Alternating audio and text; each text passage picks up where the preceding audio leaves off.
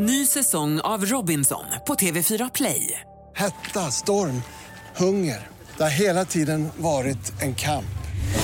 Nu är det blod och tårar. Fan händer just nu. Det. är Detta är inte okej. Robinson 2024, nu fucking kör vi! Streama söndag på TV4 Play. Hej, jag heter Gry Forssell och du lyssnar inte på radiostationen Mix Megapol. I alla fall inte just nu, för du ska ju precis höra ett nytt avsnitt av Mord mot mord. Men först vill ju vi säga hej. Hej, hej, det här är NyhetsJonas. Det här är Carolina Widerström. Och här är Gullige Dansken. Ja, och så Gry då, då. Det vi vill säga är att när du har lyssnat klart på den här podden, då får du gärna lyssna på våran. Vi spelar in ett nytt avsnitt varje morgon av våra podd Kvartsamtal. Och hela radioprogrammet blir ju också en podd om man är väldigt morgontrött eller så. Just det, om man missar morgonen ja. Men mest av allt så får du gärna lyssna på programmet i direktsändning varje morgon på Mix Megapol. Live varje morgon från klockan sex och då har vi med oss massor med vänner också. Thomas Bodström, Babben Larsson, Johan Pettersson, Christian Luuk. Massor med coola människor som bara dyker upp och gör livet bättre. Ja, som jag, Gullige Dansken. Exakt så. Och så mycket bra musik och annat skoj såklart. Så vi hörs när du vaknar på Mix Megapol.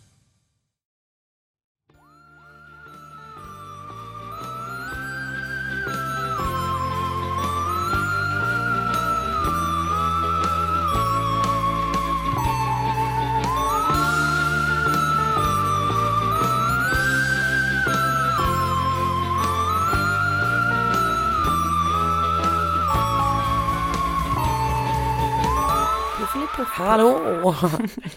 Hallå, det är Mord mot mord. Det är en liten trött mord mot mord-skara idag. Är det det? En väldigt liten skala. Skara. Det är en liten skara i en liten skala. Och det här eh, avsnittet spelar vi in i Skara. Nej. Nej. Vi spelar in på Helio ikväll. Vi spelar in på Helio, det är torsdag kväll. Mm. Vi är lite möra, vi har just ätit middag tillsammans i Helios poddstudio. Väldigt gott. Jag ska inte säga vad jag gjorde med duken men den är inte lika fin som Den den var när jag kom in. Och det var dressing inblandat. Ja. Varför sa jag det här? Nu kommer vi bli stämda. Vi köper en ny podduk. Det kommer vi ju aldrig göra, det vet du också. Vi vänder på den så kan de aldrig bevisa den. eh, eh, sant, jättebra. Det gjorde vi alltid nu, du vet vi bara så här, oj jag råkade spilla O'boy på mattan. Vi vänder på den. Men gud, mattan, så jobbigt. Ja, Och att på andra så... sidan ser mattan inte likadan ut. Jo men okej. Ja, jo, Eh, jag gjorde det. Ja. Mm. Eh, Det finns mattor som gör det helt Ja. enkelt. Inte alla mattor. Nej. Eh, och sen så när man hade spilt gång två så vände vi Coca-Cola på mattan. Och så Åh bara, nej, och så "Vad bara, fan, vad är bäst? O'boy eller Cola? Vad är bäst, O'boy eller Cola? Eh, O'boy det, tror det beror ju på vad det är för färg på mattan. Den här var så här beige-vit och då var O'boy O'boy är bättre ja. O'boy, O'boy, O'boy är att föredra och det här är ju en true crime-podd. Exakt. Eh, där vi pratar om hur man tar bort blod Fläckar. och andra fläckar. Fan det kommer jag ihåg, eh, alltså när mina föräldrar skilde sig, undrar om jag pratade om det innan, jag tror typ inte. Om jag har gjort det så måste vi lägga ner den här podden för det här är inget ämne. Ehm, jo, när mina föräldrar skilde sig så flyttade vi med mamma till en lägenhet vilket innebär kabel-tv. Innan hade Ah, vi bara haft ettan, exakt, ettan, tvåan, fyran. Och jag minns alltså att jag och min bror satt och kollade på tv-shop och var liksom Nej, men man kunde kolla på vad som helst. Nej men alltså tv-shop var otroligt. Men jag tycker TV-shop är fantastiskt fortfarande. De har en länge grej, sedan jag såg det. det är för att jag kollar på TLC hela tiden Just och det. där har de det mellan, Twins har de mellan programmen. Jag älskade Twins. Och det är Det kanske är där du ska börja din tv-karriär. Alltså 100% jättegärna om någon vill ha mig. Twins, ring oss. För de säljer en grej som ser ut som ett classy lipstick. Men det är egentligen en hårborttagning, gentle hårborttagningsgrej. Vänta. Det är liksom en, eh, någon slags snäll Alltså säg att du eh, vill ta bort hår på överläppen till exempel. Japp. Eh, då tar du fram den här lilla classy lipsticket och sen så, Så ser det bara ut som att du sätter på dig läppstift på ett Exakt. dåligt sätt. jag fattar inte riktigt hur det funkar men det verkar bra. Jag har berättat för dig om när jag blev attackvaxad i Italien va? Ja, Mm. väldigt kul.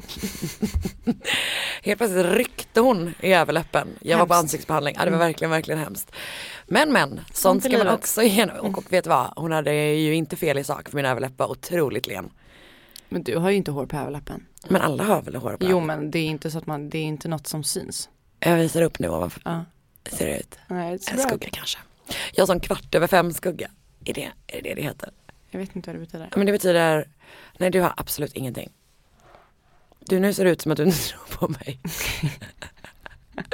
Det ser ut som att du blev arg. Nej, jag blev glad. Det var bara att jag har ingen energi överhuvudtaget. Men jag tror att det kommer bli bra när den här rappen kickar in. Ja, alltså verkligen, verkligen så. Eh, mm, vet du vem min kille träffade idag? Hans Rosenfeldt. Hans Rosenfeldt. Jag vet, det är så jävla coolt. Och jag antar att han inte tog en autograf till mig som jag fast Nej, bad att, honom att göra. nej, fast som du bad mig att be honom att Ja. göra och jag ska vara helt ärlig, jag skickar aldrig vidare frågan eftersom det hade varit helt sjukt om han bad om en autograf. Varför det? Men ingen ber om autograf Anna. En bild då? Alltså, en bild hade du kunnat räcka. Ja men det finns säkert på morgonpassets eh, Instagram som du kan gå in och kolla på. För tänk, alltså, tänk dig bara situationen när han bara kom fram och bara eh, hej skulle du kunna signera den här servetten för att jag ska ge den till min, min flickväns. Men det, jag stör mig på att du Kompis. kallar mig hela tiden för min flickväns kompis. Kan inte jag bara vara Marcus kompis Nej men direkt? jag vill ha äganderätten över, över din vänskap med mig. Det är jag, det här är ju min, mitt kontrollbehov över er båda. Ni ska aldrig mötas. Eh, Alternativet Jag- idag var att vi skulle podda hemma hos mig. Så att jag stopp för. Men det är tråkigt att du säger det, för Oskar tycker ju verkligen att du är typ den enda tjejkompisen han har. Det är inte riktigt sant. Det är verkligen inte riktigt sant. Han har sin syster också. Han har sin syster och han har några fler. Men eh, du är verkligen en vän till honom. Så det är tråkigt att du försöker stå i Okej, jag vägen mellan... eh, Oskar, Oskar om du lyssnar. Jag ser dig som en vän med. Bra. Bli ihop med varandra då. Nej men, det vänder så snabbt. Man vet aldrig när det vänder. Man, exakt, verkligen. Um, jag har en podd jag lyssnar på, ska jag berätta om den? Nej, gud du ville verkligen inte höra min podd. Jo! Sluta nu. Martyren. Gud, alltså det är så jävla sant. Fy fan vilken martyr jag är. Mm. Oh, jag lyssnar på Broken Hearts. Okej. Den handlar om, det här är ett fall som jag typ började, eller som jag såg liksom förbifarten och var typ lite sugen på att göra i podden men sen så kom den här podden och så nu berättar jag om den. Ehm, det handlar om, eller ehm, under typ eh, en Black, Black, Black Lives Matter protest i USA så finns det en superkänd bild där en liten pojke håller om typ en kravallpolis och gråter. Känner du igen det? Nej. Du har säkert sett den, den blir så här asstor liksom. Och det som är grejen då är att den här pojken visade sig senare eh, att han var, eller den här pojken var en del av en familj med två mammor, två vita mammor och så hade de adopterat sex eh, svarta barn. Och eh, de var, det var eh, två, syskon, två syskontrios. Okej, ja. Ehm, och de körde alltså över en klippa och dödade sig själva samt alla barnen. Va? Ja. Och du vet de var så här de liksom stod eh, bakom eh, Bernie Sanders på typ sådana rallies och du vet det var liksom så här alla typ tyckte att de var helt otroliga. Eh, hon var extremt aktiv på Facebook, typ den ena mamman och pratade om hur hon var, alltså hur hon hemskolade dem och du vet verkligen måla upp ett så här otroligt liv liksom. Och sen plötsligt en dag så gasade en av mammorna liksom ut över en klippa. Och det är följd, det fallet följer den här podden. Fan, Broken starkt. Hearts, alltså Heart, H-A-R-T-S. För det hette de typ. Vänta, jag, jag lyssnar inte på best... H-A... RTS, alltså inte som Jaha, heart okej utan okej. heart. Ja, För Jag trodde bara att du bokstaverade hur heart stavar. Ah, fel. Perfekt. Men jävlar vad sjukt. Och jag undrar vad hade de för bil där alla sju, åtta personer fick plats? Vet du vad, det tänker jag alltid på. eh, att de så här, om du måste skaffa minibuss. Ett barn för mycket. Jag tycker det verkar så jobbigt bara. Att om man bara står där, man bara okej nu får alla plats här. Nu har vi en, två, tre där bak, du, jag, du, du, du, du. Helst vill man ju egentligen bara vara två där bak. Man vill ju bara vara två där bak. Gud vänta, sitter du där bak med barnet? Nej men, Oskar fram, som, sy- ena barnet fram, du där bak. ja, men, ja, precis. Ja. Ja. men som, som syskon så, eh, jag har ju tre syskon men Ja. jag växte ju upp med ett. Ehm, och sen min eh, styvsyster Bea som är tre år yngre än jag. Mm.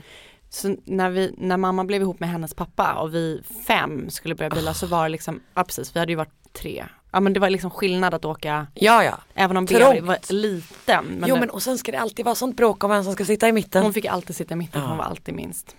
Bea, om du hör det här. Det här är mitt eh, avsnitt när jag ska prata direkt med olika Verkligen, det personer är så trevligt. Eh, Bea, vi ber om ursäkt. Nej, Nu är det 100% du som inte. Bea, nu är det du som sätter dig i framsätet. Ny säsong av Robinson på TV4 Play. Hetta, storm, hunger. Det har hela tiden varit en kamp. Nu är det blod och tårar. liksom. Fan händer just nu. Det. är Detta är inte okej. Robinson 2024, nu fucking kör vi! Streama söndag på TV4 Play. Ett poddtips från Podplay. I podden Något Kaiko garanterar östgötarna Brutti och jag, Davva, dig en stor dos skratt. Där följer jag pladask för köttätandet igen. Man är lite som en jävla vampyr. Man har fått lite blodsmak och då måste man ha mer. Udda spaningar, fängslande anekdoter och en och annan arg rant. Jag måste ha mitt kaffe på morgonen för annars är jag ingen trevlig människa. Då är du ingen trevlig människa, punkt. Något Kaiko, hör du på Podplay. Därför är gardinerna.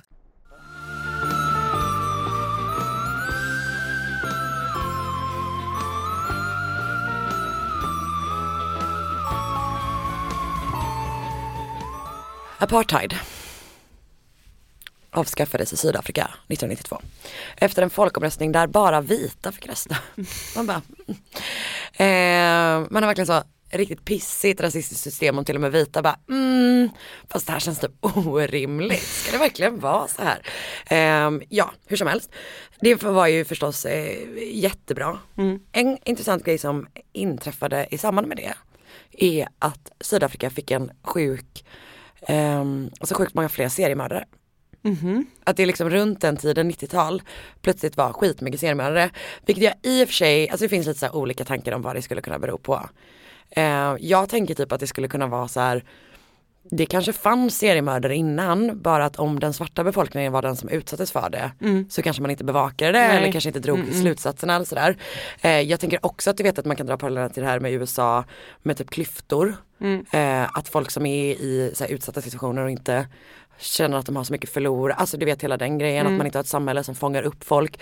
Sen är det också att det blev sjukt mycket folkrörelse tydligen, alltså att folk flyttade från typ landsbygden in till städer och sådär, Ja, alltså svarta då. Mm. Så att det finns massa anledningar och jag, ja, det finns säkert jättemånga fler, men det var så i alla fall. Mm. Men fem år då efter eh, att apartheid hade avskaffats, 1997 är vi då, så samlas hundratals kvinnor utanför en rättssal i Johannesburg och för en protest. Det är så sjukt att det är, var så sent. Jag vet, det är Alltså det är helt jävla otroligt. sjukt. Ja, ja, gud ja.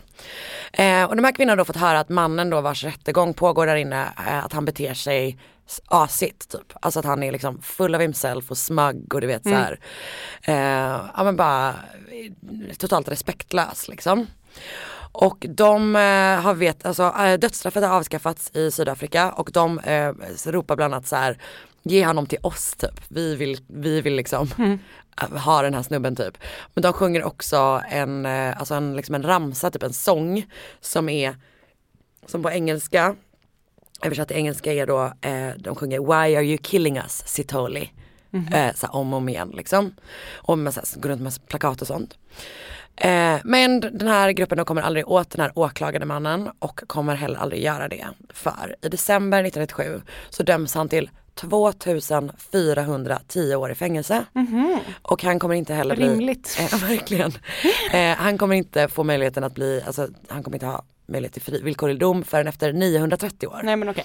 Så de men har det är liksom- ändå mindre än hälften av tiden. De har safeat upp kan man säga. Ehm, och i domen står det då att han har dömts för 38 mord, 40 våldtäkter och 6 rån. Och han är då en av Sydafrikas värsta seriemördare någonsin. Första heter, gången i Sydafrika. Jag vet. Han heter Moses Sitoli. Vi kör lite bakgrund på honom. Moses Sitoli. Född 17 november 64 i Voslorus som ligger typ 30 minuters bilfärd från Johannesburg. Det är liksom lite sydöst tror jag. Och han kommer från en fattig familj. Hans föräldrar heter Simon och Sophie Sitoli. Och han är ett av, eller han har fyra syskon. När eh, Moses är sex år gammal så dör hans pappa. Och eh, du kan ju tänka dig typ hur lätt det var för en ensamstående kvart, Ja. svart kvinna att typ försörja eh, fem barn Väldigt tufft. vid den här tiden. Men eh, det hon gör är att hon lämnar Moses och alla hans syskon på en polisstation och drar. Mhm. Eh, Vilken kreativ lösning. verkligen, verkligen. Moses är vassen Verkligen. och då hamnar hon på barnhem. Det är inte superhärligt på det här barnhemmet. Eh, som det sällan är i de här historierna. Mm. Fan någon gång vill man bara höra en härlig historia om ett härligt barnhem typ. Ja. Eh, Annie. Jag lekte barnhem när jag var liten och ganska ofta så med min eh, med kompis Emma. Emma om du hör. eh, och vi lekte ofta elakt barnhem. Men gud vad sjukt. Alltså det var liksom uttalat bara på det här hela eh, barnhemmet är vi riktigt vidriga mot barnen. Men ibland lekte vi snällt barnhem och då la vi bara alla barnen, det vill säga dockorna, på eh, släpen på våra trehjulingar. Mm. Och sen cyklade vi med dem till Allévägen som var en parallellgata, det var lite gräs och så hade vi en picknick där med dem. Mysigt. lite olika. En gång så rymmer Moses från den här, det här barnhemmet. Mhm. Sen går han i flera timmar hem till sin mamma. Mm, gud vad hemskt. När han kommer dit så skickar mamman tillbaka honom till barnhemmet. Ja, jag vet, det är verkligen heartbreaking. Eh, men i tonåren då så lämnar han eh, barnhemmet igen och så först hamnar han, alltså, han hos sin äldre bror innan han börjar jobba i en guldgruva. Alltså en faktisk guldgruva i Johannesburg. Han har lätt för att skaffa tjejer, han är charmig och snygg och så vidare. Eh, han är tidigt sexuellt aktiv. Spännande. Mm. Kan man ju relatera till. Eh, men Eller inte. Men, och det här kommer man då förstås skylla på hans mammas svek senare. Mm. Han har ett enormt hat gentemot svarta kvinnor. Och har väldigt, citat, nära till ilska. Mm. Kan man säga. Eh, man vet inte riktigt när Moses våldtar sitt första offer men det finns information om att det är att det liksom, han inte ens hunnit fylla 20 år. Innan han gör det första gången. Jag har sagt Eh. det förr och jag, jag säger det igen. Åk och backpacka, do something else. Jag bara, men då kan jag ju lika gärna våldta folk där. Jo, jo, men jag menar Ja, du tänker mer bara i allmänhet. Sysselsätt det med någonting annat. Det är verkligen ett bra tips från dig. tack. jag gillar det. Det kommer liksom gå åt helvete. Allt tyder på det kan man säga. Det gör det. Även, även det faktum att jag pratar om honom. Och det faktum att jag redan har sagt vad han döms för. Eh, september 87 begår i alla fall Moses sin första, sin dokumenterade våldtäkt. Inte dokumenterad som att den är filmad utan som att vi vet om Som att den hände. ja. Och då är han då 23 år gammal och hans första offer är 29-åriga Patricia Komalo. Och han träffar henne eh, genom hennes syster. Så det är typ att hon introduceras till honom av sin syster. Han säger då att han kan fixa jobb till henne och att han ska ta med sig henne till arbetsplatsen där han kan typ så här, introducera henne till någon chef liksom så ska det lösa sig. Men istället då så våldtar, henne, eh, våldtar han henne upprepade gånger utomhus, eh, mitt på Blankadal. Liksom Men gud. I något så skogsparti eller så. Eh, och han binder hennes eh, armar med hennes egen bh. Och hon ber honom att inte döda henne. Mm. Han säger att han inte kommer göra det eftersom eh, hon har typ snälla ögon. Hon bara, mm, tack, Mm. tack snälla. Hon, han säger då att så, här, så länge du inte berättar för någon så kommer du få leva. Mm. Senare är också Dorcas Kedibone Kobane med om ungefär samma sak. Ett, det har gått ett år. Och en månad efter den våldtäkten så gör han samma sak mot Lindi, eh, Lindive Nikosi som är syster till hans dåvarande flickvän. Men fy fan. Och till henne säger han då att han ska elda upp henne om hon inte, han inte, hon inte gör som han säger. Jag hade, jag hade sagt till min syster sen ändå. Ja men man vill verkligen inte bli uppeldad du vet. Nej. Mm, Det är svårt, svår situation. Och just den här grejen då att erbjuda kvinnor jobb och sen utsätta dem för fruktansvärt våld i flera timmar i, alltså på dagen i typ skogsområden kommer bli hans grej. Mm. Till the bitter end. Man tror då att han faktiskt, anledningen till att han faktiskt tar steget och eh, börjar mörda det är för att han då blir anmäld. Februari 89 så gör han då samma sak mot Bogisva Doris Svamakisa. Och när hon då, hon är typ i Johannesburg lite så här efter att det här har hänt och då får hon syn på honom i en affär där han jobbar.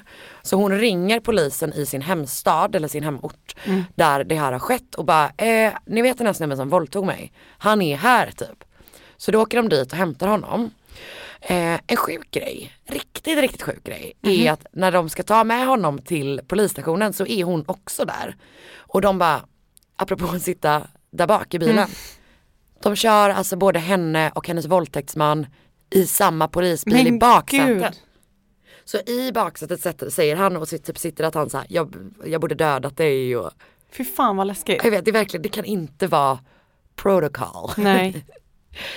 Ehm, han kommer då dömas och sitta inne i sex år för det han gjorde mot henne. Och under hela sitt fängelsestraff så påstår han då att han är oskyldig och så typ eldar han på sitt hat mot svarta kvinnor. Och allt fruktansvärt de har gjort mot honom. För att Mm. han är såhär, jag blev falskt anklagad, bla bla bla. Nu sitter jag här typ. Han träffar sin, dåvarande, sin blivande flickvän eh, Marta i fängelset. Det är 93. Hon, Hur då?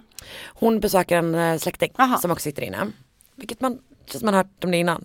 Säkert. Man raggar inte där. Det var innan Tinder men också. Gör det Det finns andra ställen. Mm.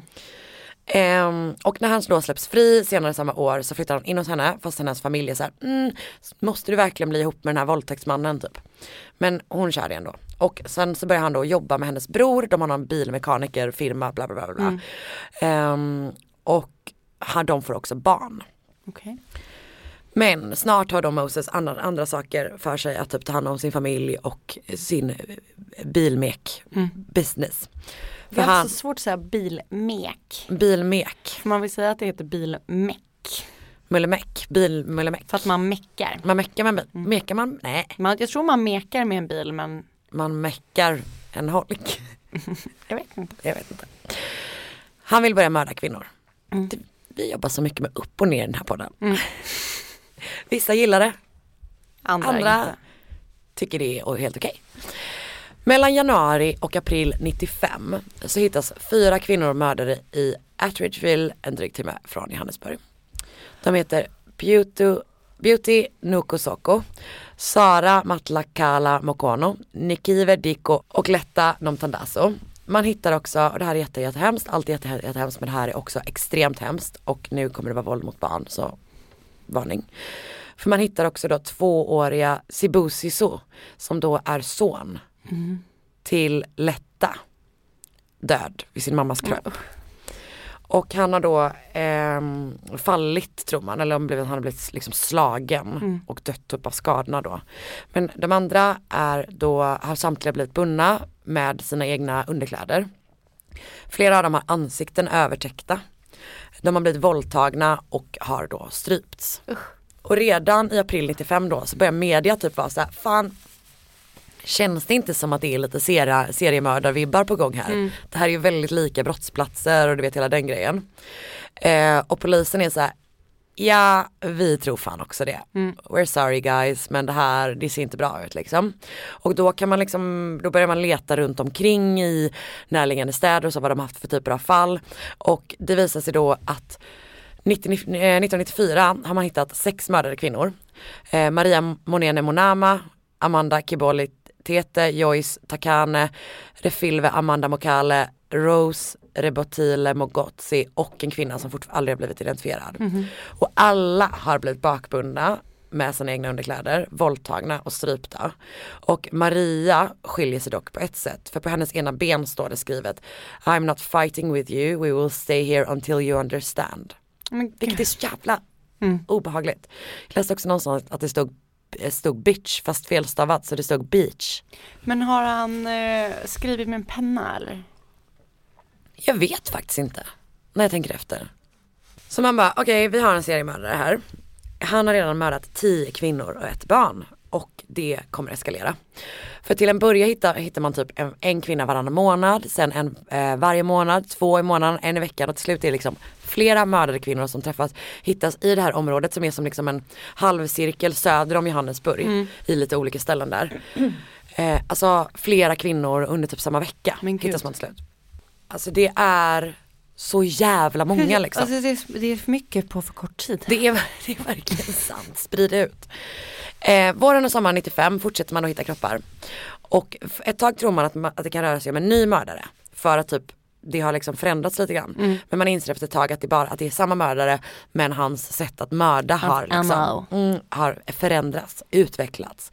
För nu tillbringar han då ofta timmar med sina offer. Och du vet liksom stryper dem, släpper, Ah. alltså den grejen. Han börjar också göra, ofta göra någon slags anordning, alltså om han attackerar dem nära ett träd.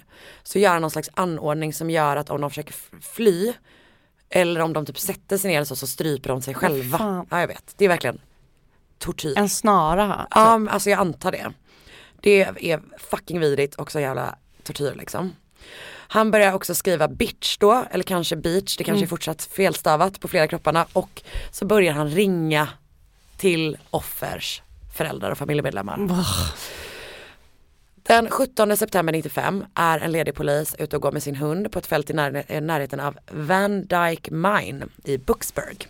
Han ska då jaga kanin, det är därför han är ute.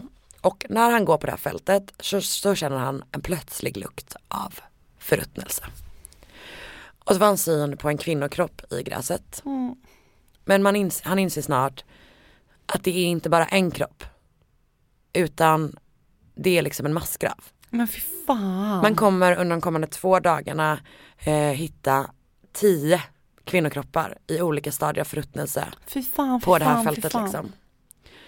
Och det är panik förstås.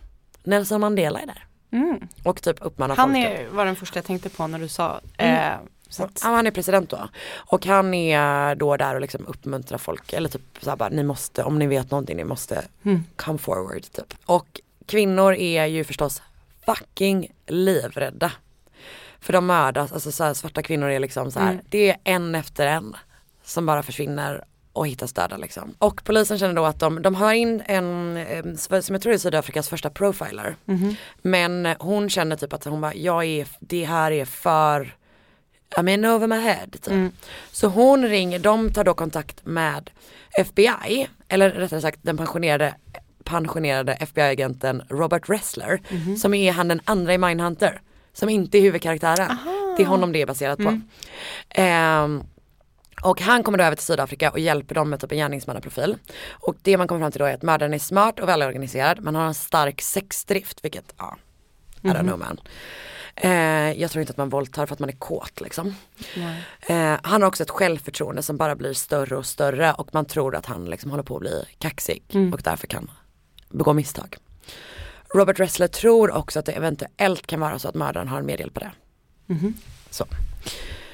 Från maj 95 mördas Esther Moshibudi, Granny Dimakatso Ramela, Elisabeth Granny Matetsa, Mildred Nitoya Lipole, Francina Nomsa, Ernestina Mohadi, Elsie Koti Masango, Josefine Mansali, Oscarina Voyakatsi, Makoba Trifina Mogotsi, Nelisive Nontobeko, Amelia Rapodile, Monica Gabisile, Hazel Nof- Nosifo, Tsidi Malekwa, Matela och ytterligare fyra oidenti- oidentifierade kvinnor. Och anledningen till att jag bara säger alla namn Mm. är för att de sägs ingenstans. Nej. Alltså typ alla poddar jag lyssnat på, eh, alla dokumentärer jag har sett, är folk såhär bara, det är jättesvårt att hitta namnen. Man bara, nej.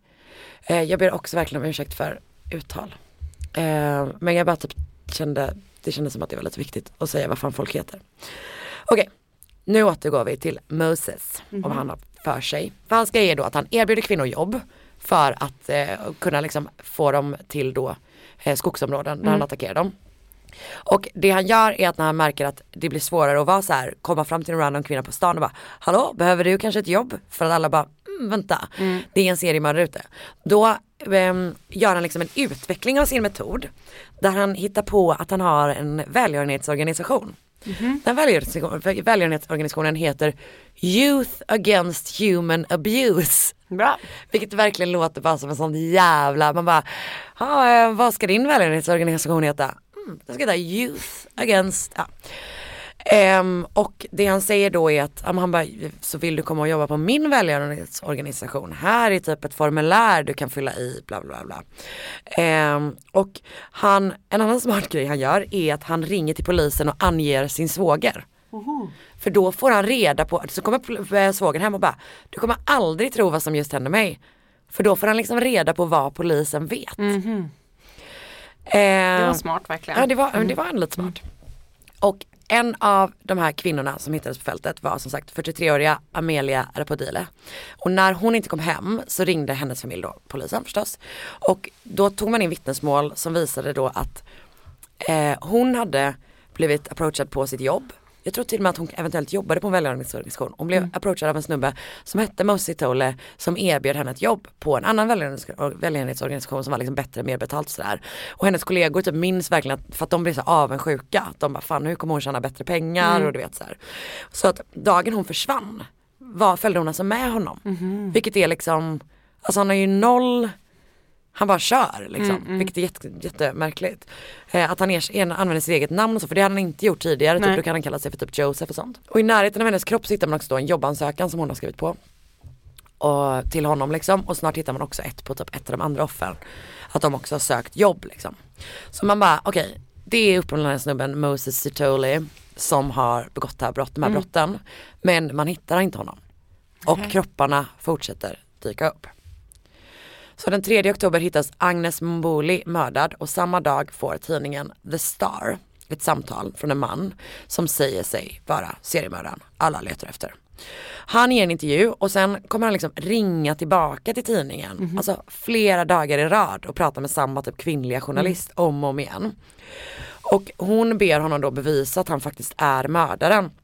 Och det han gör, gör då är att han bara, det finns en kropp som är så här och så här och utsatt för det här och det här på den här och den här platsen som polisen inte har hittat. Så går de dit och bara, japp. Men gud. Och en dag ringer han från en telefonkiosk och sen säger han bara, fan mitt, eh, jag mina pengar håller på att ta slut typ. Hon bara, ah, men ge mig ditt nummer så ringer vi upp. Så då eh, polisen bara drar till telefonkiosken. Hon fortsätter prata med honom eh, och plötsligt bara försvinner han från luren.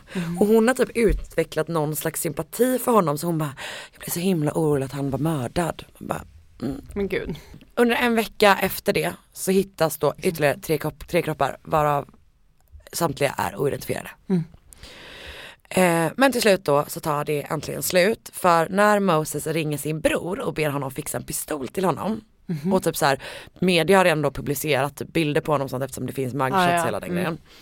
Eh, hans bror bara absolut det löser jag typ. Ringer direkt till polisen. Mm. Han säger till Moses, han bara kom till mitt jobb så ska du få en pistol typ och när han kommer till hans jobb så grips han förstås. Men det blir liksom en jakt. För polisen kommer, eh, han får syn på dem och börjar rusa. Så att de får inte stopp på honom förrän han är skjuten i både benet och i magen av en polis. Men man kommer hitta ytterligare en oidentifierad kvinnokropp den 6 november, så typ två veckor efter att han har gripits. Han är, som sagt det händer lite grejer under hans rättegång. Han är jävligt smug. Eh, han är mycket så att han småler under vittnesmål, nästan skrattar lite och du vet sådär. Liksom. Jag tror att den enda personen han reagerar ja, för, eller under vars vittnesmål han reagerar under är hans flickvän. Med det här barnet liksom, för hon vittnar mot honom då. Eh, och då blir han typ ledsen liksom. Först säger han då att han har liksom gjort det här och erkänner allting. Men sen säger han att han är oskyldig innan han eh, erkänner alltihopa i en sån, eh, alltså i en, i en inspelning från fängelset som, det verkar, det verkar askonstigt, det är alltså hans eh, en person han delar cell med som spelar in honom i både liksom tal och alltså både ljud och bild när han då erkänner alltihop. Eh, och han säger även i förhör, eller han säger också att han aldrig haft en medhjälpare Nej. men att han började fundera på om det kanske fanns en copycat där ute. Ehm, 140 personer vittnar i, eh, Jävlar. i rättegången.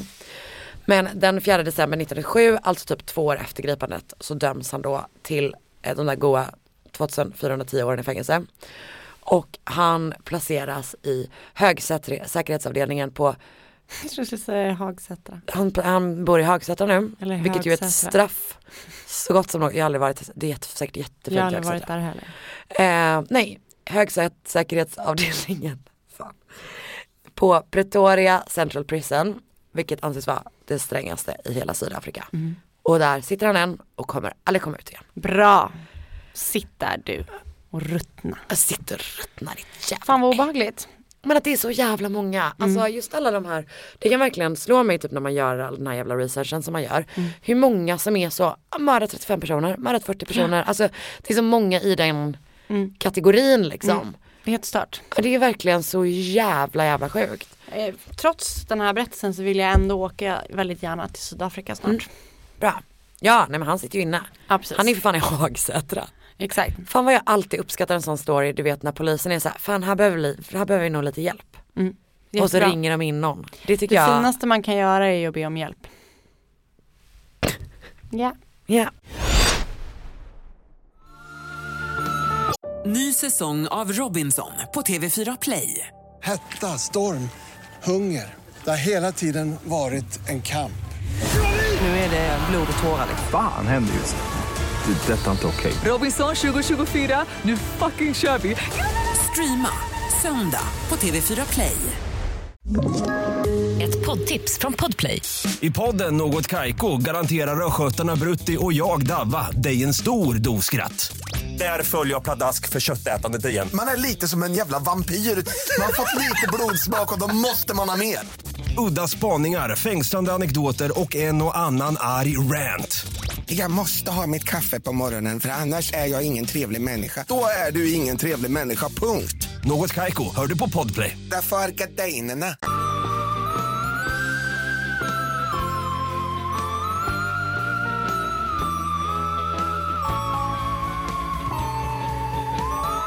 Bela Kish var en på, plåt, nej, en tennarbetare, en tennslagare, född 1877, bosatt i Shintonka, som på den tiden var en stad i närheten av Budapest. Vet du? Alltså, jag vet här namnet. Men jag vet inte. Jag har förstått att det är pretty damn insane. Ja. Ja. Eh, Bela hade en business som jag inte vet vad det var, eh, som blomstrade och han var eh, liksom en erkänd eh, gentleman. Han var en riktig gentleman i staden där han bodde Mm. och en eftertraktad eh, ungkarl. Eh, han tyckte om att ha middagar hemma och bjöd ofta in till eh, storslagna så här, middagsbjudningar och fester för folk som ville komma. Ja. Och han var inte bara trevlig och en bra värd utan han var också väldigt, väldigt snygg. Han var en blond och ståtlig karl. Men gud, allt det här låter som att du beskriver Oscar. jag vill inte att Oscar ska vara ledsen på mig. Nej. Och jag menar att jag var ärlig och tänkte. Exakt. Mm. Eh, och han var, men, men eller och, hur man nu vill se det, så var han också intresserad av astrologi och det ockulta. Jag tror att det är ett men du letar efter. Eh, men även om Belas eh, liksom, business blomstrade och sådär, så jag vet inte om den verkligen gjorde det. För att eh, han använde sin skärm inte bara liksom på ett bra sätt, utan han gjorde det också för att tillskanska sig pengar och andra tillgångar. Ja. Och eh, han gjorde på det sättet som eh, vi har hört andra göra om också. Att han satte in eh, alltså en kontaktannons i tidningen där han sa att han letade efter en fru. Och eh, som jag förstått det så hyrde han också typ, eller han liksom brukade åka i alla fall mycket till Budapest. Mm. Där han träffade dem första gången liksom. Eh, och sen så eh, när han liksom hade fått en kvinna på kroken så skärmade han henne, han kanske winade och dinade henne lite. Och sen så på något vänster så lurade han av dem Alla pengar. alla pengar.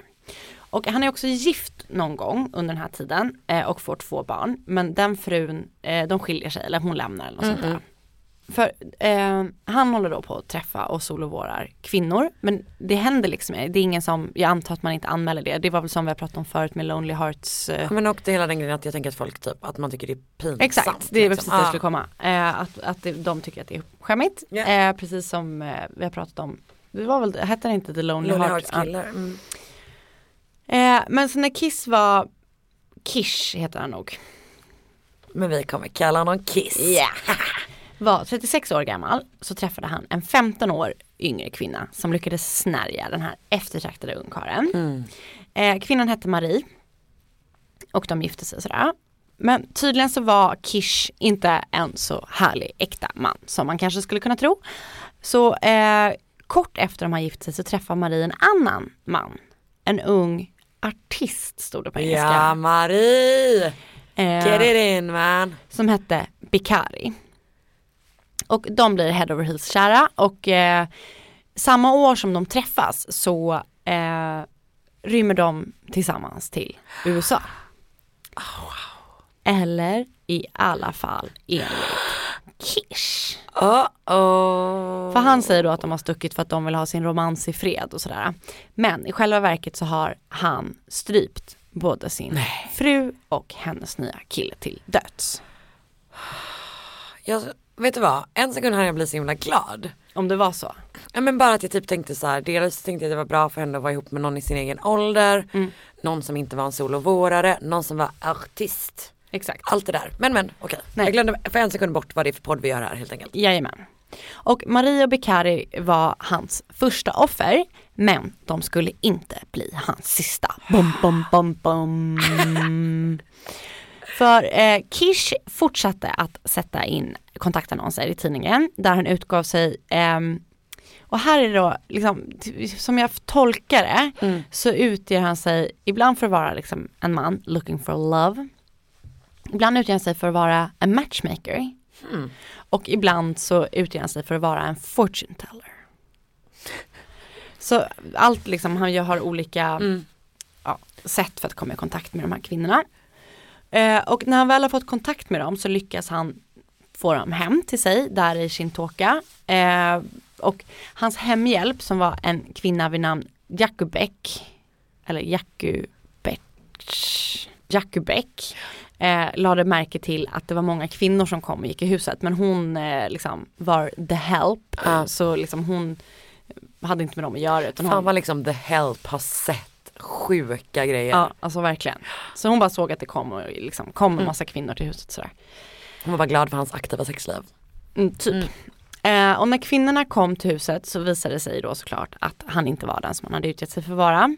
Och eh, även nu så blåste han liksom sina offer på pengar men eh, han tog det en nivå till.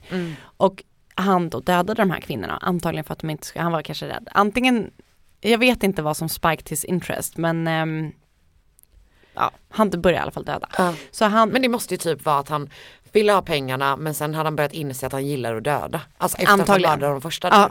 Det måste ju typ vara så. Exakt, Ehm, säkert. Eh, du, du, det. du är mer mördare än vad jag är i sinnet tydligen. Nej jag är bara en sån jävla människokännare. Du är en så jävla empatisk person så du kan känna dig in i det. Åh nej.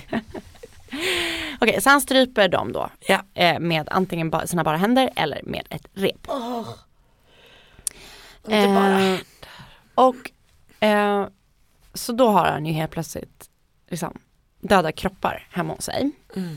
Och av någon anledning så gör han sig inte av med kropparna utan han behåller dem hemma hos sig. Så han, eh, Nej alltså det är inte läge att vara hoarder. nej, Är inte läge. bland annat då så köper han hem stora plåttunnor som han sen la kropparna i, dränkta i metanol som någon slags Konservering. typ. Mm. Och det är så äckligt. Och innan han hade lagt la dem i tunnorna så hade han också tömt kropparna på deras blod. Eh, från deras nackar. Och det skulle ge honom eh, smeknamnet The Vampire of Shintonka. Just det, alltså det var inte det att han drack blodet vad man vet eller så. Vad man vet i Nej. alla fall. Nej.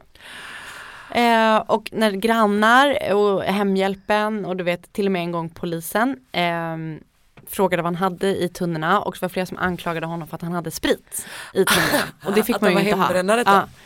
Eh, men han sa att det var eh, alltså bensin inför det kommande första världskriget. Ja. Att han liksom sparade upp på det.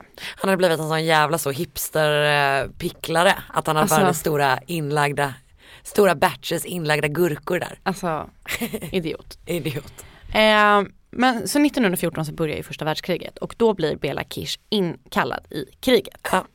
Så han lämnar huset i hans hemhjälps händer och sticker ut i krig.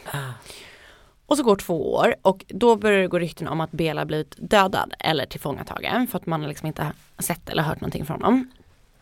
Eh, medan han var i någonting som heter Karpaterna som är en bergskedja i centrala och sydöstra Europa. Bra. Eh, så hans hyresvärd som liksom bara sa okej han är död eller tillfångatagen, han kommer förmodligen inte komma tillbaka, det är läge för mig typ att tömma hans hus och eh, hyra ut till någon annan. Eh, så hyresvärden går dit, hittar sju stycken plåttunnor på typ gården utanför huset. Så han bara, ah, okej vad fan är det här? Eh, Bestämmer sig för att öppna och bara blir, får en sån jävla lukt över sig när han öppnat den första. Så han bara okej. Och någonstans så läste jag att grannen var typ jag tror att de sa kemist men jag vet inte varför han skulle veta det. Men han hade i alla fall koll på Kemi. Nej men bara the smell är liksom Ah, men something slags really, really bad. typ. Men han var inte läkare. Men vänta, han kanske bara hade ett luktsinne bara, det här luktar inte bra. Någonting i alla fall. ja, ja. Han jobbade med att testlukta mjölk och så. Kanske. Mm. Eh, så hyresvärden kallar till sig polisen och en polisdetektiv, eller vad säger man, en polischef Ah. som heter Nagy kommer dit. Och han upptäcker då, okej det är kroppar i de här sju tunnorna. Och de är då helt konserverade. Så det är liksom så här hår kvar och repet sitter kvar runt halsen på dem. Så här. Riktigt äckligt. Ah, vad vidrigt. Ehm, och så de börjar leta vidare i huset. Och till slut så hittar de 24 stycken kroppar totalt tror jag att det är. Vänta, är, vänta. Alltså i huset. Ja, de 24 är typ stycken. nedgrävda de andra kropparna. Mm. Och när de tittar eh, runt i huset så är det bara så här, okej men vi, vi ser ingenting som tyder på att han liksom är en seriemördare. Men till slut kommer de fram till ett rum som är låst och hemhjälpen bara, men det här är hans eh, arbetsrum, jag har lovat att jag inte ska släppa in någon där, ni får inte komma in, bla bla bla. De hade hittat 24 kroppar, Ja. det är dags att Så hon liksom. bara, okej jag öppnar dörren. Och i arbetsrummet så hittar de böcker och texter eh, om förgiftning och strypning. Vad det nu är för böcker. Ehm, alltså, så, men det måste ju Ja. vara, jag tänker att det är sån här, det är sån här gammal så här, anatomiböcker typ. Ja, och, här är halsen, Ja, men- här är dina händer. Typ. Men, men jag vet inte, du Nej. vet sådana böcker som Ah. fanns förr i tiden som känns sådär, eh, man hade skissat kroppen och Ja, så. Ja. verkligen. Ehm, I hans skrivbord så hittar man också all brevkorrespondens som han har haft med kvinnorna som han svarat på hans annons. Och det visar sig att han har ha- fått 174 erbjudanden om giftermål varav han har accepterat 74 stycken. så jävla sjukt. Uh, riktigt bra kväll ute på krogen. Verkligen. Eh, eller när man strulade med 174 på en kväll och 74 ville bli ihop. Eller tvärtom. Man hade sagt ja till 74 Man hade sagt Mm. ja, exakt. Eh, och när de hade hittat det här alltså efterlyste de honom såklart och det blev världens pådrag genom Europa liksom i ett rasande Ja, men första just det, är världskrig. Ja jävlar Mm. vad sjukt så det blir sån manhunt under kriget Mm. typ. Så polisen går ut med en efterlysning och genom militären och de bara vi måste hitta den här mannen liksom. Det är också väldigt speciellt när man letar efter någon som har mördat 24 Mm. i liksom ett sammanhang där typ miljontals Ja, dog. verkligen. Det är så bisarrt. Syn på olika typer av våld typ. Eh, men tydligen så var Bela Kish ett väldigt vanligt namn så det var svårt. Eller liksom man kunde inte hitta, var jätte, man kunde, hittade inte rätt person. Mm. Eh, men han var nära på att åka fast en gång när han låg på ett sjukhus i Serbien. För då är det väl någon som bara, ja där är han typ. Ja. Och när polisen väl har hittat fram till sjukhuset så har han lyckats rymma och istället så låg det en död soldat i hans säng. Så han var typ, du vet som när man så här bygger upp en låtsaskropp i Ja, sängen. Så att fast han ingen tog en faktisk kropp. Så jävla sjukt. Mm. Och eh, han hittades aldrig. Va? Nej. Så han återfanns aldrig. Han måste ju bli mördad. Så Finns det teorier? Det finns då, folk har ju då sett honom på massa olika ställen. Ja. Ja, de har sett honom du vet typ i München, de har sett honom all over the place. Och senast det rapporterades att han såg var i 1932 i New York och där han hade jobb som en vaktmästare. Men det är sista gången man liksom tror att han har, ja. Men jag Sett tänker, honom. jag tänker att New York känns, det är 32, men i och för sig just första världskriget, fan han höll sig borta. I don't know. Jävlar vad sjukt. Men man vet inte vad som hände och man vet inte om han har typ dödat fler människor och man vet ingenting. Men det lär han ju typ ha gjort. Alltså antagligen. Alltså utöver krigsmord liksom. Exakt och det är ju, det är Ja. ju fruktansvärt också. Men ja det är men ju en helt annan, annan grej. sorts Ja. våld liksom. Men jävlar. Vill, vill du veta en hemlighet? Ja. Jag har alltid trott att det var en kvinna. Ah, intressant. Jag tänkte det är Bella liksom. Nej. Alltså jag har bara Ja, verkligen men jag bara fått Ja. namnet. Men, eh, Ber och det ursäkt finns Bela typ Kish inte... för att jag felkönade ah, dig. ja, Nej det behöver inte be om ursäkt till honom. Nej just det, just det. Han är Eh. död och också ett as. Exakt. Nej men eh, det finns typ inte så jättemycket mer information än just det här. Det, Fast det där var ju svin mycket information. jag vet men man undrar ju så himla mycket mer. Men Alltså, vet du vad jag får panik av bara tanken att, alltså, att den här stackars jävla kvinnan som bodde med honom, alltså som städade och sånt. alltså, Att hon bara inser att hon har liksom varit där. Hemskt. Med 24 jävla kroppar i två år. jag får panik. Även fast det inte verkar som att jag är panikslagen just nu. Men du har ju sån, du har sån omvänd panik som Exakt. bara ger enorma gäspningar av panik. Jag får panik av att han konserverade kroppar. Det är det äckligaste jag vet. Det är så jävla jävla äckligt. Och jag blev stressad när du sa att han hade inlagd gurka i, för jag älskar inlagd gurka. Okej men ska vi ta något annat då? Någon syltlök. Inlagda rödbetor är fan riktigt, Det är riktigt äckligt. äckligt. Känns lite ungerskt. Mm, pyttipanna. Jag hatar när man får det till pyttipanna, man bara lägg det inte på min tallrik. Just det, du är ju lite sån att du behöver hålla saker åtskilda också Ja, va? det har jag sagt till Oskar också, jag vill inte ha det på min tallrik. Med din absolut rimligaste röst har du sagt det. Du. Det var allt för fråga. den här veckan. Ja men jag har en Ja. fråga. Ska vi innan vi slutar ska vi inte den här gången, eh, vi, alltså tack till att börja med, tack så jättemycket för att ni har skickat in massa stories till oss. Det är så jävla härligt. Och vill man, har ni något läskigt, eh, roligt, obehagligt som är relaterat till det här som vi pratar om här så mejla det till mordmotmord.gmail.com. Ja. Vi kommer typ ta dem lite grann ibland när vi Pö känner om pö. Lite pö om pö, Mm. exakt precis. Eh, vill du, du har Jag, något va? jag har en. Ah, ah, ah. Okej så det här är alltså en lyssnarhistoria som har skickats till Ja. oss. Det här är från Sofie, från Sofie. Och eh, mejlet har bara ämnesrad, egen historia. Bra. Tydligt. Exakt. Jag skriver detta för sent. Men jag har velat, fra, velat fram och tillbaka om jag ska skriva det, det här eller inte. Men here it goes. Jag var 20 år gammal och hade flyttat till min första lägenhet. Jag var asnöjd trots att lägenheten låg i ett ganska skabbigt hus och, hus och hyran var nästintill obefintlig. Man får vad man betalar för. Sant. Verkligen. Men jag var lycklig i min ganska stora tvåa och vi var få som bodde i huset. Jag bodde själv på högsta våningen och under mig bodde en äldre herre. Vi var de enda som bodde i trapphuset. Gud vad läskigt, bara Ja, redan nu är det läskigt. I andra trapphuset bodde två lite halvskumma typer man nästan aldrig såg. Tror inte ens de levde i lägenheten utan kom bara dit ibland och lät den stå tom i övrig tid. Så billiga, bi, så billiga var hyrorna att det nästan var billigare att hyra lägenheten än ett förråd. Och sen, och sen en annan man som bodde själv. Trapphusen förenades med en vind. Till, hus, mm, till husets historia eh, sägs det att en kvinna hade hängt sig på den här vinden. Själv är jag inte särskilt rädd för spöken alls, så när jag på nätterna började höra att det gick någon utanför min dörr, hörde nycklar rassla och att det gick tyst uppe på vinden ovanför min lägenhet, så tänkte jag att det bara var den stackars damen att det nog är den stackars damen som irrar runt och försöker hitta hem eller något. Så soft inställning till spöken att man tror på dem. Men, Men man är helt lugn med dem. Men jag, jag undrar om hon menar att det är spökdamen eller om det är Nej, spökdamen. Okej. Ja, det var ingen annan dam i huset. Nej det var det inte nej. Nej. Eftersom jag bodde själv på min anledning så, eh, våning så fanns det ingen anledning att någon fysisk människa skulle vara utanför min dörr då lägenheten bredvid mig stod tom. Vem vet, kanske damen som hängde sig bodde just i de här lägenheterna. Till saken så satt jag vaken sent en natt och kollade på TV. Som varje natt i det, tredje de tre veckorna jag bott där hörde jag små antydningar till att någon gick runt på vinden. Och sedan hörde jag nå- som vanligt något utanför min dörr. Men den här gången var det annorlunda. Jag hörde tydligt att någon var utanför min dörr. Det slog mig att min dörr faktiskt var olåst och, den låstes endast genom att man öppnade den och tryckte upp en spärr. Att öppna dörren när jag vet att någon faktiskt står där ute var inte ett alternativ. Jag gick ut mot hallen och smög sakta fram mot min ytterdörr. Då jag hör den, denna nyckelknippa igen och det låter precis utanför dörren. Jag smyger fram och tittar i kik, eh, titt, kikar i titthålet men trappuppgången är kolsvart.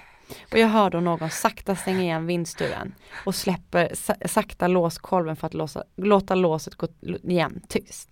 Sedan hör jag stegen mot vinden igen och jag slet upp min dörr fort som attan för att slå upp spärren och låsa min dörr. Lås! Panik. Vem det än var på vinden så hörde de nog min dörr smälla igen. Jag har en teori om detta. Innan jag flyttade in i lägenheten hade den stått tom i tre månader.